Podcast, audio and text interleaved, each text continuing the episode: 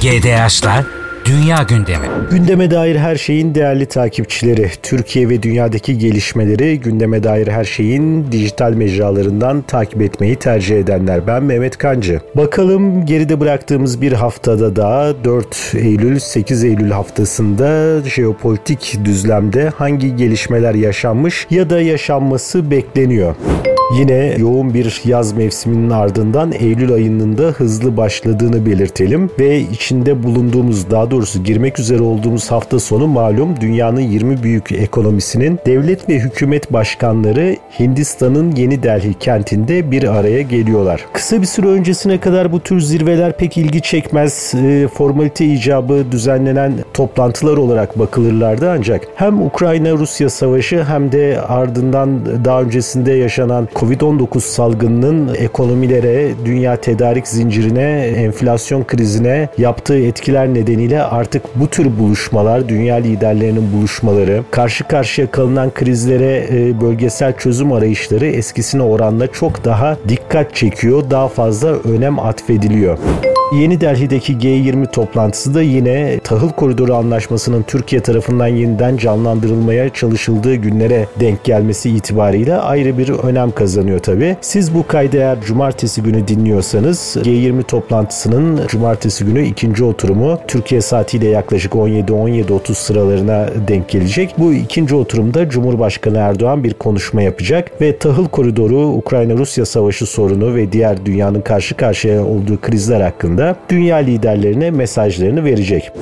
Şimdi tabii bu G20 toplantısını değerlendirirken biraz daha geriye gidip birkaç hafta daha geriye gidip BRICS ülkelerinin yaptığı toplantıya ve yine geçtiğimiz hafta içerisinde Güney Asya Ülkeleri Birliği'nin, ASEAN ülkelerinin yaptığı toplantıya da değinmek lazım. Çok kutuplu dünya düzeni tartışmaları içerisinde tabii ki bu toplantılar da dediğimiz gibi daha fazla önem kazandı. 22-24 Ağustos tarihlerinde Güney Afrika'da 15.si düzenlenmişti BRICS zirvesinin ve bu zirvede BRICS Grubunun yani küresel ekonomide Amerikan dolarının hakimiyetine karşı olanların bir araya geldiği bu gruba Suudi Arabistan, İran, Mısır, Arjantin, Etiyopya ve Birleşik Arap Emirlikleri'nin de katılması yönünde bir karar alınmıştı. Şimdi bu ülkelerden bazıları hem asli üye olarak hem de davetli olarak G20 zirvesine katılacaklar. Dolayısıyla Sergey Lavrov'un BRICS zirvesinin ardından söylediği gibi Rusya Dışişleri Bakanı'nın artık dolarizasyona karşı olanların sesi de G20 içerisinde daha e, da yükselmiş gelmiş olacak, daha da şiddetlenmiş olacak. Tabi dediğim gibi bu ıı, zirvelerde ıı, liderlerin her sözleri, her hareketleri hatta yapmadıkları hareketler dahi olay oluyor ve incelemeye değer bulunuyor. Hindistan'daki zirvenin en önemli noktalarından bir tanesi Çin Halk Cumhuriyeti Devlet Başkanı Xi Jinping'in ıı, zirveye gelmeyişi ve ilk defa Çin'in bu G20 zirvelerinde başbakan düzeyinde temsil ediliyor oluşu. Şimdi tabii herkes Xi Jinping'in zirveye katılmayışını anlamlandırmaya çalışıyor acaba Çin Halk Cumhuriyeti'ndeki iç durumda hassas bir vaziyet mi var? Bu nedenle mi gelmedi Çin Devlet Başkanı? Yoksa Amerika Birleşik Devletleri'ne verilen mesaj mı bu Xi'nin gelmeyişi? Yani sizinle konuşacak bir şeyim yok mu demeye getiriyor. İşte herkes buna dair bir yorum yapmaya, bu durumu anlamlandırmaya çalışıyor. Ve yine zirvenin hemen öncesinde BRICS'in yeni banknotu olarak tanıtılan ve Rus diplomatlar tarafından görüntüsü sızdırıldığı iddia edilen bir banknot görüntüsü de G20 zirvesinin hemen öncesinde sosyal medyada büyük ilgi çekti. Brier olarak adlandırıldığı iddia edilen 100 birimlik bir kağıt paraydı bu. E, BRICS'in malum olduğu üzere BRICS üyesi ülkeler bir yandan kendi ulusal para birimleriyle birbirleriyle e, ticaret yapmaya çalışırken bir yandan da e, altına endeksli 2. Dünya Savaşı'ndan önce olduğu gibi bir para birimi e, yaratmanın peşindeler. Amerika Birleşik Devletleri'nin de bu nedenle zaten altın fiyatları üzerinde ciddi bir baskı uyguladığı da yine uzmanların dikkat çektiği noktalar arasında. ASEAN zirvesi ile ilgili de bir iki notumuz var. Bu Güneydoğu Asya Ülkeleri Birliği'nin Jakarta'da düzenlenen toplantılarında çarşamba ve perşembe günleri hem Hindistan'la hem de Japonya ile ayrı ayrı ASEAN ülkelerinin birer zirve gerçekleştirdiklerini ve bildiri yayınladıklarını görüyoruz. Yani Güneydoğu Asya ülkeleri de bölgede istikrarı sağlamak adına yine bölgedeki başat güçlerle Japonya gibi yeniden silahlanmaya yönelen, Hindistan gibi kendi enerji ve savunma bağımsızlığının peşine düşen ülkeler ülkelerle daha üst düzey ilişkiler kurmanın peşinde. Bu arada Hindistan demişken tabii şunu da ifade etmek lazım. Cumhurbaşkanı Erdoğan e, Hindistan Başbakanı Narendra Modi ile görüşecek. Ancak Narendra Modi'yi Türkiye ile sorunu olan ülkelerle yakın temas içerisinde olduğunu da söylemek lazım. Geçtiğimiz ay malum Ermenistan Karabağ Savaşı'nda kaybettiği Rus yapısı silah sistemlerinin yerine Rusya kaynaklı olarak yenilerini koyamıyor. Hatta Amerika Birleşik Devletleri ile ilk defa bir askeri tatbikat düzenleyen Ermenistan'ın yakın gelecekte elindeki silah sistemlerini yine Rusya kaynaklı olarak e, yenilemesinin mümkün olmadığı görülüyor. İran üzerinden karayoluyla Hindistan'ın yolladığı silahların Ermenistan'a ulaştığı sosyal medya kaynaklarında görülmüştü.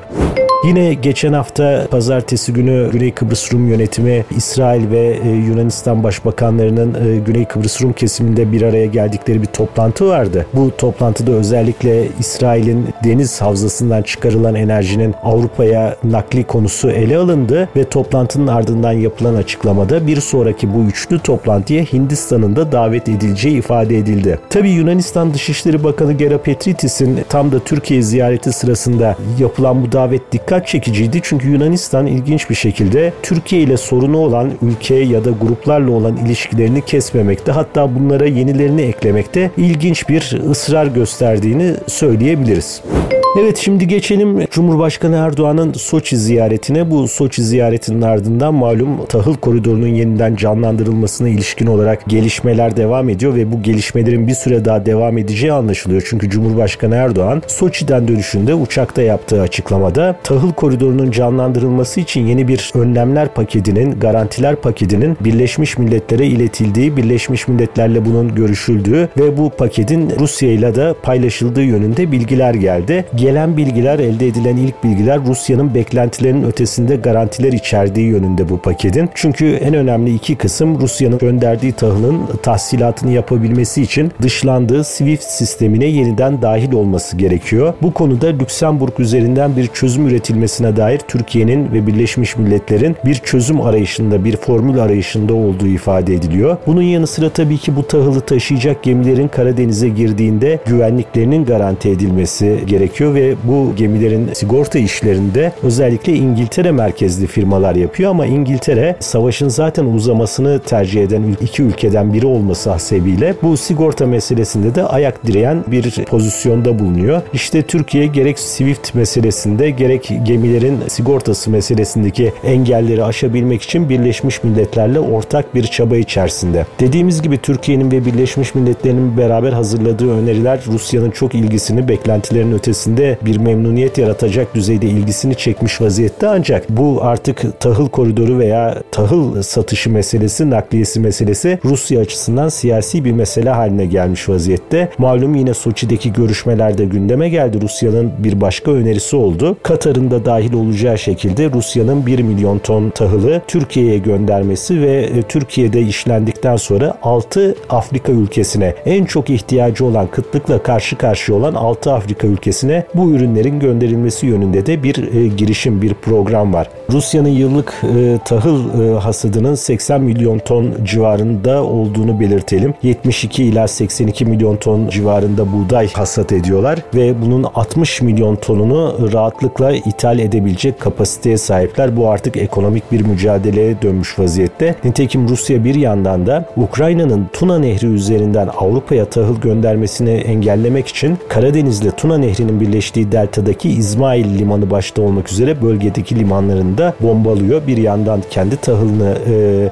aracılar vasıtasıyla tıpkı petrolünde olduğu gibi e, uluslararası piyasalara sürerken bir yandan da Ukrayna'nın tahıldan geri gelir elde etmesini engellemeye çalışıyor. Evet tahıl koridoru ile ilgili gelişmelerin ne olacağını özellikle 19-26 Eylül tarihleri arasında Birleşmiş Milletler Genel Kurulu'ndaki gelişmelerle daha yakından takip edeceğiz. Çünkü bu konu muhtemelen orada Cumhurbaşkanı Erdoğan'la Ukrayna Devlet Başkanı Zelenski arasında birebir görüşmede ele alınacak. Hatta Ukrayna tarafının Erdoğan'ın iddiasına göre belki e, New York'taki genel kurul görüşmelerinden önce Erdoğan ve Zelenski bir araya gelebilirler. Evet Zelenski demişken Ukrayna-Rusya savaşına da değinelim.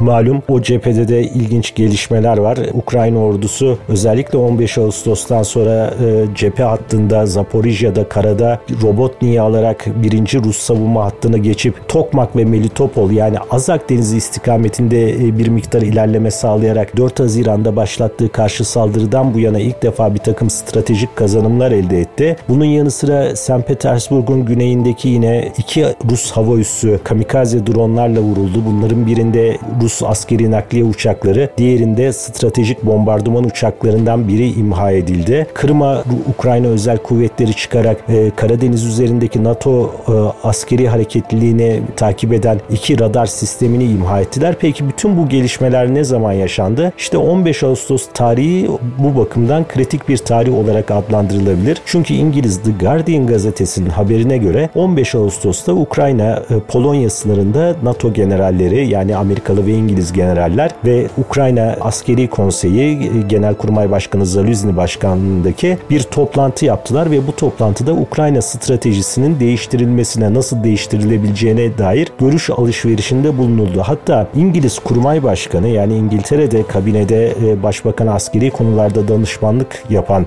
Genelkurmay Başkanı değil Kurmay Başkanı deniyor kendisine. General Tony Radikin de Kiev'e giderek Zelenski ile büyük ihtimalle bu konuyu konuştu. Sadece sahada gelişmeler yaşanmadı bu toplantıdan sonra yine dikkat çekici bir şekilde önce Ağustos'un son günlerinde İngiltere Savunma Bakanı ki kendisi NATO zirvesinde Ukrayna'nın bitmek tükenmek bilmeyen silah ve mühimmat taleplerini sert şekilde eleştirerek bir krize neden olmuştu. E, Wallace istifa etti Savunma Bakanlığı görevinden. Ardından da 4 Eylül pazartesi günü itibariyle Ukrayna Savunma Bakanı Reznikov da görevden alındı ve bir Kırım Tatarı Rustem Umerov e, Ukrayna Savunma Bakanlığı görevine getirildi. Bu bakanlık değişimlerinin de yine rahatlıkla yaşanan gelişmelere baktığımızda 15 Ağustos'ta bir strateji değiştirme kararının ardından geldiğini söylemek yine mümkün.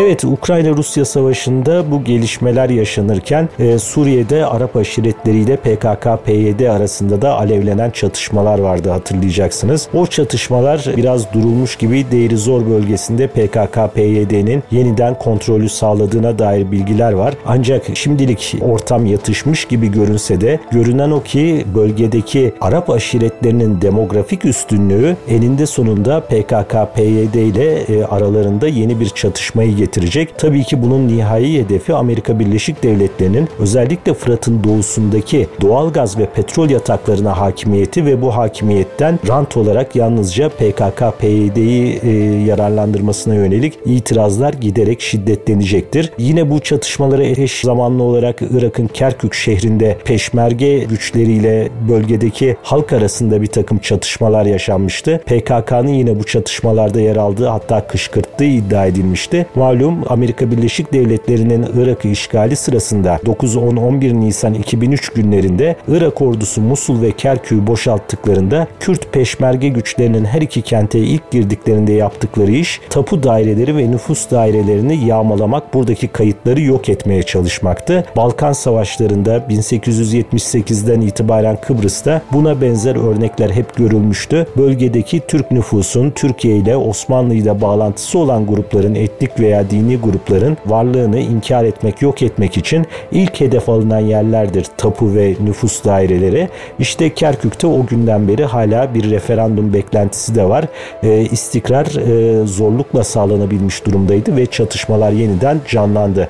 Cumhurbaşkanı Erdoğan e, Soçi'den dönüşünde e, Suriye'nin doğusundaki ve Kerkük'teki çatışmalar konusunda da uyarılarda bulundu ve Türkiye açısından buraların e, Libya'ya Libya gibi, Suriye gibi, Irak'ın kuzeyi gibi müdahil olunabilecek konular olduğuna dikkat çekti.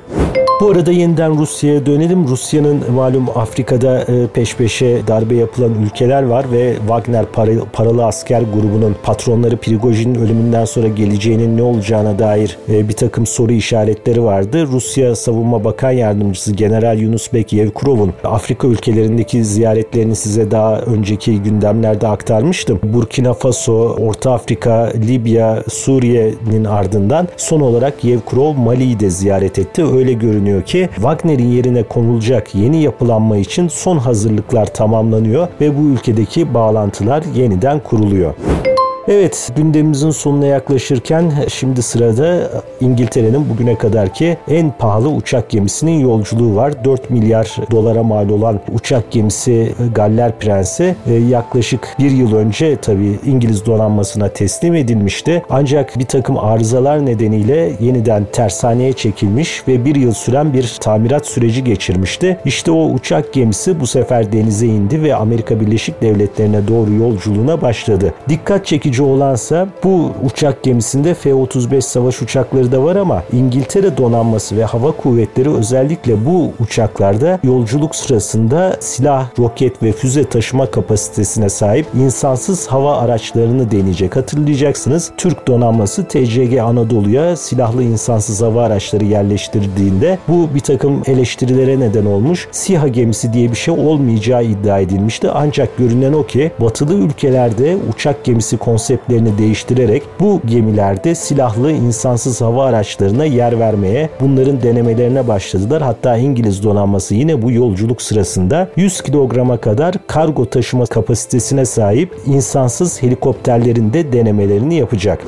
Ve gündemimizin son maddesine geldiğimizde yine sıcak hava dalgası ve sıra dışı iklim olaylarından bahsetmek mecburiyetindeyiz. Fransa'da, İngiltere'de Eylül ayının ilk haftasında olağan dışı sıcaklıklar nedeniyle alarm verilmiş durumda. Gerçekten daha önceki yıllarda görülmeyen ölçüde sıcaklıklar 30 derecelerin üzerinde neredeyse 40 dereceye yakın sıcaklıklarla karşı karşıya bu iki ülke. Bunun yanı sıra İspanya, Yunanistan, Hong Kong ve Türkiye'de de maalesef Trakya bölgesi bölgesinde ve İstanbul'un Avrupa yakasında bizler de şiddetli yağışlar neticesinde su baskınlarına, can kayıplarına yol açan su baskınlarıyla karşı karşıya kaldık. Bunları yaşadık. Mesela Yunanistan'ın maruz kaldığı sel felaketinin özellikle tarım alanlarını ciddi şekilde vurduğu belirtiliyor. Gıda krizinin söz konusu olduğu bir dönemde 2024'te bunun çok şiddetli yaşanacağı tahmin edilen bir dönemde Yunanistan'ın böyle bir afetle karşı karşıya kalması bölge ülkesi olarak tabii ki Türkiye'yi de yakından ilgilendiriyor. Bu sıcaklar hatta Amerika Birleşik Devletleri'nde yine geçen hafta oynanan açık tenis turnuvasında da sporcuların isyanına yol açtı. 40 dereceye yaklaşan e, sıcaklarda yapılan maçların olağanüstü fiziki bir performans göstermesi gereken tenisçiler, tenisçilerde endişeye yol açtığını, bu sıcakların tenis turnuvalarında can kayıplarına yol açacak seviyeye yaklaştığı yönünde sporcuların, katılımcıların serzenişleri var. Belki de yakın gelecekte spor, büyük spor organizasyonları organizasyonlarının takvimlerinin değişmesine yol açacak bir takım gelişmeler bu anlamda yaşanabilir.